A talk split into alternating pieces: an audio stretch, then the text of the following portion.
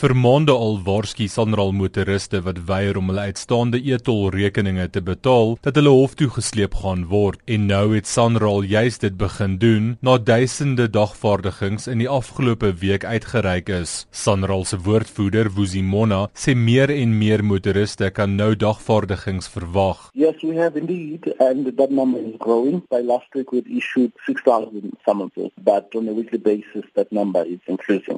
Motoriste het egter nog 'n week oor voordat Sanral se aanbod van 60% afslag op hulle e-tol skuld verval. Na volgende Dinsdag sal motoriste verantwoordelik wees vir die hele uitstaande bedrag. The 60% discount expires on the 2nd of May. There are companies and individuals who owe lots of money. They've come to us to say they're willing to pay, but they can't pay all the outstanding amounts before the 2nd of May. Those people can then uh, enter into a payment arrangement with ETC, the toll operator, but they must do so before the 2nd of May, which is the date on which the 60% discount expires. Now, that payment arrangement can only be extended up to six months, but it's not a given that everybody is going to get this uh, six month extension. Mona sê motoriste moet hierdie dagvaardigings ernstig ag.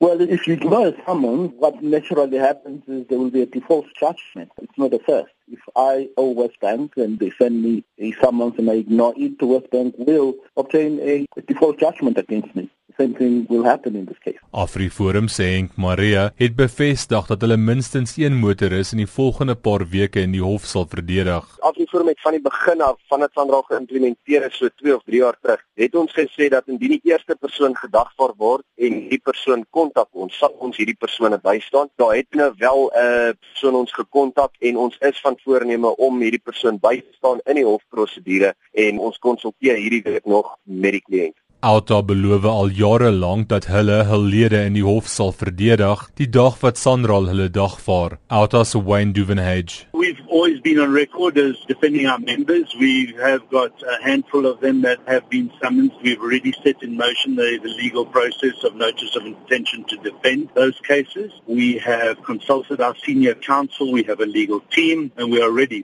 Duvenhage sê hulle oorweeg dit om 'n toetssaak na die grondwet hof te neem.